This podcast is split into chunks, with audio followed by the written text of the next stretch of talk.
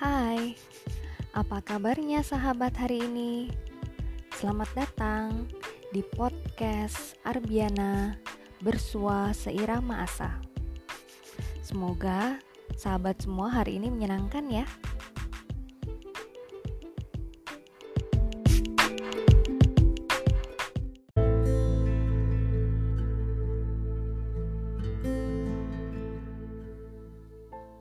Hai sahabat, Hari ini saya akan berbagi kisah dengan judul Coretan Hati Mantan Suami. Selamat mendengarkan. Matahari mulai bersembunyi dalam serpihan gelap, memeluk erat senja yang menjadikannya malam. Memberikan waktu bagi sang rembulan untuk melakonkan perannya. Di tengah sunyinya hari, dengan berteman pena dan beralas kertas, entah mengapa aku mulai menuliskan cerita hati yang mungkin akan memiliki arti suatu hari nanti. Dan pada hari itu, di hari Minggu, aku yang biasanya senang berkutat dengan kamera kesayangan, kini lebih memilih untuk menghamburkan waktu luang dengan berdendang. Sambil memetik dawai gitar, aku mulai bersenandung sederhana sekedar menyenangkan jiwa dan raga. Berkawan suara televisi yang sengaja aku nyalakan, petikan gitarku mulai beradu. Cukup mujarab untuk menghalau galau, serta melumat penat yang sering kali tertambat. Satu dua lagu kudendangkan, mulai terdengar nyaman di telinga. Namun begitu lagu kedua selesai, tiba-tiba jariku terhenti Pandanganku tiba-tiba tertahan. Televisi yang semula hanya sebagai pelengkap kawan, entah kenapa kini menawan perhatian. Acara gosip di salah satu saluran televisi ternama yang tak sengaja terekam, ku coba menggelitik otak dan hatiku kala itu. Berita yang disajikan syarat luka mendalam, yang tak jauh bedanya dengan kisah kelam yang sempat pula aku rekam. Di sana terlihat sepasang pembawa acara sedang bersemangat bercerita lengkap dengan bumbu pelezat sebagai pengantar menuju drama yang sebenarnya. Dengan mimik wajah yang mudah terbaca, kedua pembawa acara itu tampak berbalas iba dengan kisah artis yang sedang mereka bicarakan. Topiknya memang sedang hangat diperbincangkan dan pasti selalu berhasil menarik para penikmat setianya. Apalagi kalau bukan tema perselingkuhan. Hah, masalah klasik yang selalu menarik untuk ditelisik. Ya, perselingkuhan. Di sana aku dengarkan mulai diberitakan sepasang artis yang berstatus suami istri sedang dilanda bencana dalam rumah tangga suami yang telah lama setia didampingi, mulai dari nol hingga berada di posisi yang patut diperhitungkan saat ini, nyatanya tertangkap basah sedang bermain hati dengan yang lain. Hah? Sang istri yang dalam acara itu diundang sebagai bintang tamu, terlihat sedang berkeluh kesah dengan derai air mata. Dia bercerita perjalanan cintanya dengan sang suami, dari A sampai Z dengan nada suara yang bergetar, dengan tatapan mata yang menyeratkan sorot kemarahan dan kekecewaan. Belum lagi akhir cerita yang ditutup dengan tangis mendayu mengharu biru yang membuat siapa pun turut merasa pilu. Ya, tak terkecuali dengan aku. Aku sangat paham betul dengan apa yang dirasakan seseorang di balik layar kaca itu. Aku pun turut pula merasa pilu. Aku yang sejenak ikut mengharu biru karena dulu memang pernah merasakan hal itu. Aku adalah korban dalam drama perselingkuhan yang dilakukan seseorang kala itu. Ya, seseorang yang pernah aku panggil istriku. Geram jika otak ini mulai bekerja mengembalikan kenangan masa lalu itu.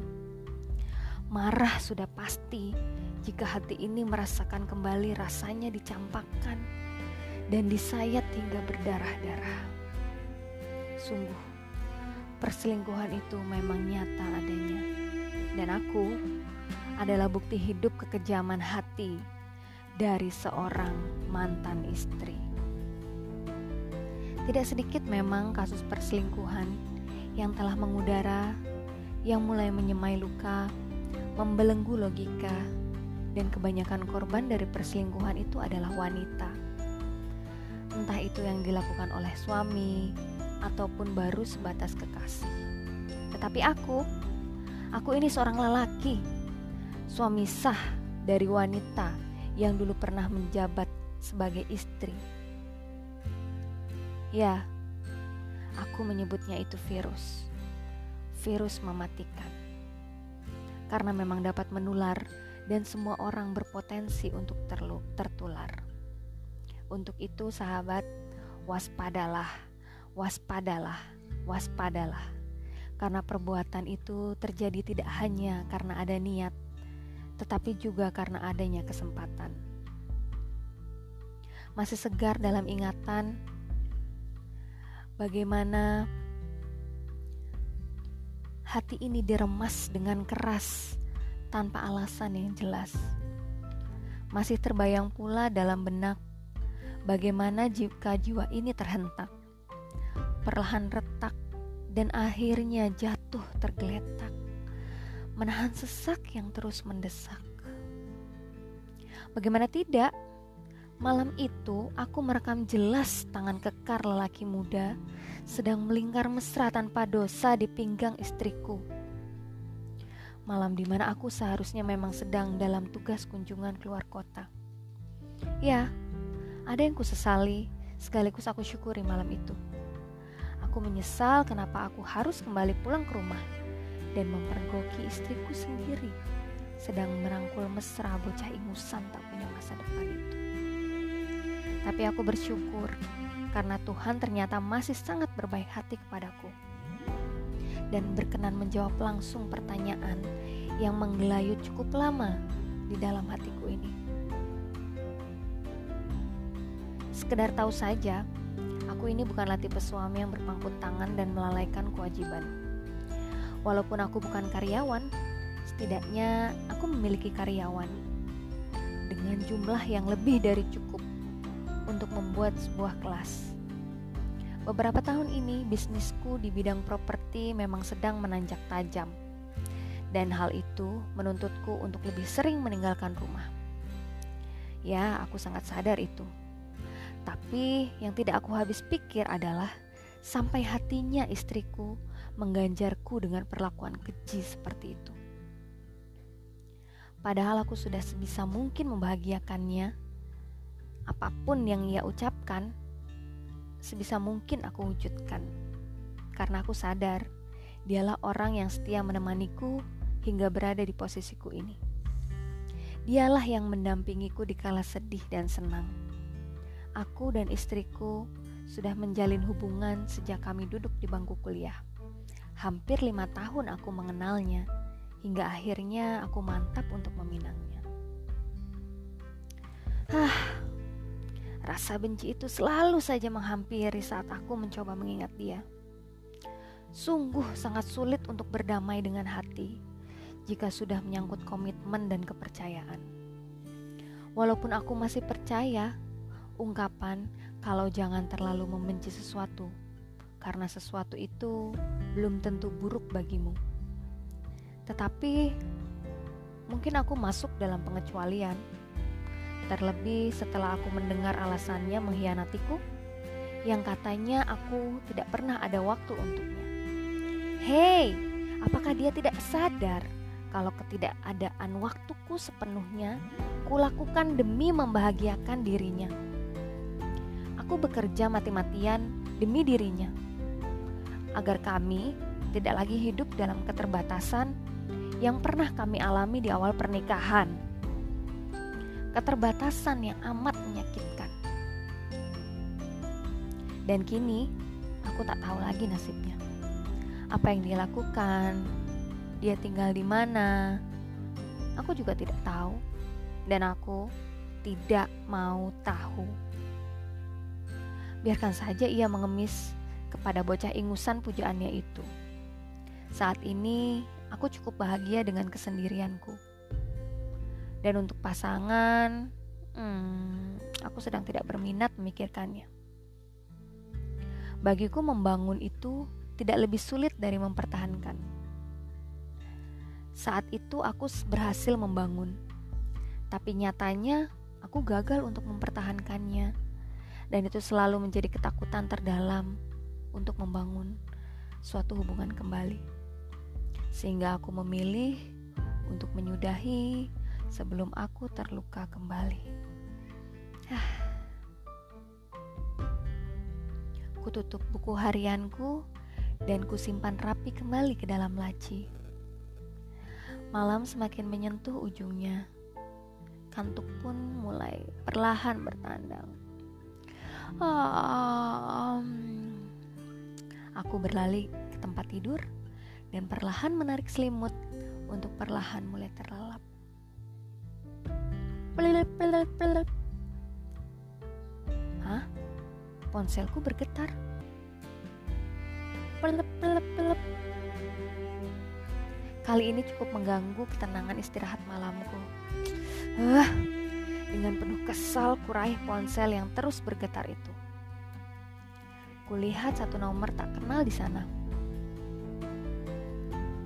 Kutengok jam, sudah pukul 2 dini hari. Siapa sih yang telepon malam-malam begini? Gak kenal juga nomornya. Racauku mulai kesal. Halo, Jawabku malas. Tapi tak ada jawaban dari sana. Halo? Masih saja tak ada jawaban. Ganggu banget sih. Dasar gak ada kerjaan. Bentakku dengan nada suara tinggi. Baru saja aku akan menutup panggilan, tiba-tiba terdengar isak tangis dari sebelah.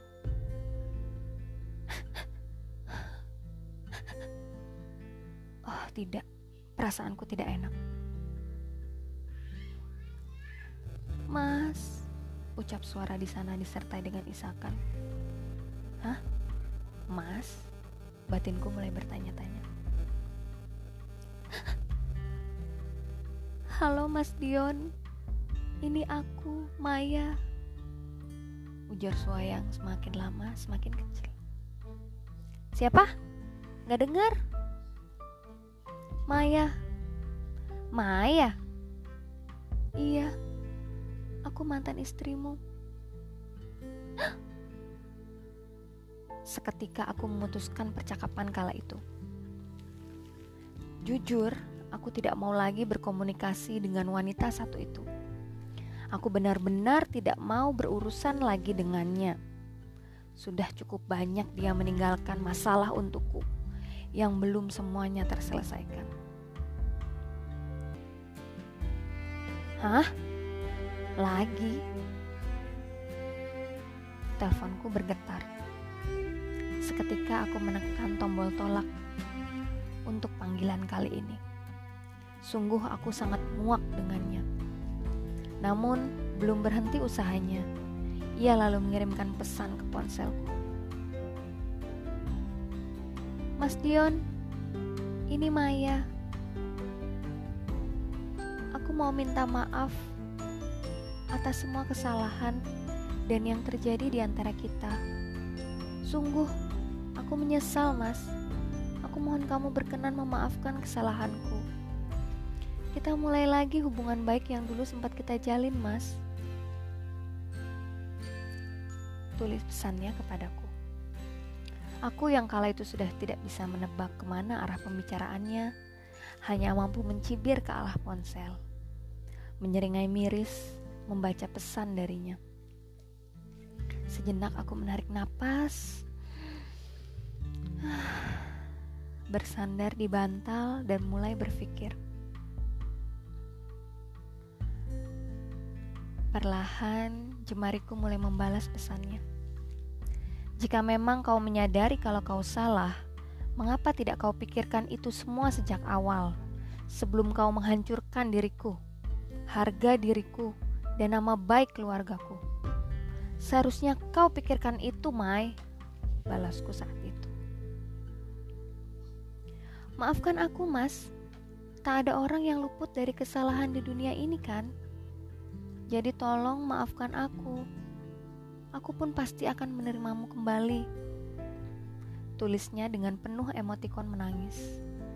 Aku kembali menarik nafas. Hmm. Baiklah, aku memaafkanmu. Tapi aku tidak ingin mengulang kesalahan yang sama untuk kedua kalinya. Dan satu lagi, bagiku mantan selamanya tetap akan menjadi mantan. Tidak butuh penjelasan dan tidak butuh penangguhan apa pun darimu. Tutupku padanya. Lalu kumatikan ponsel yang masih saja bergetar dan mencoba menyembunyikannya di dalam laci. Keinginanku melupakannya sekuat, sekuat keinginanku untuk istirahat sejenak di malam itu. Ya, malam ini sangat melelahkan, khususnya untuk hati kepada seorang mantan. Sekian kisah hari ini. Semoga hari sahabat semua menyenangkan ya. Terima kasih telah mendengarkan podcast Arbiana Putri. Bersua seirama asa. Bye.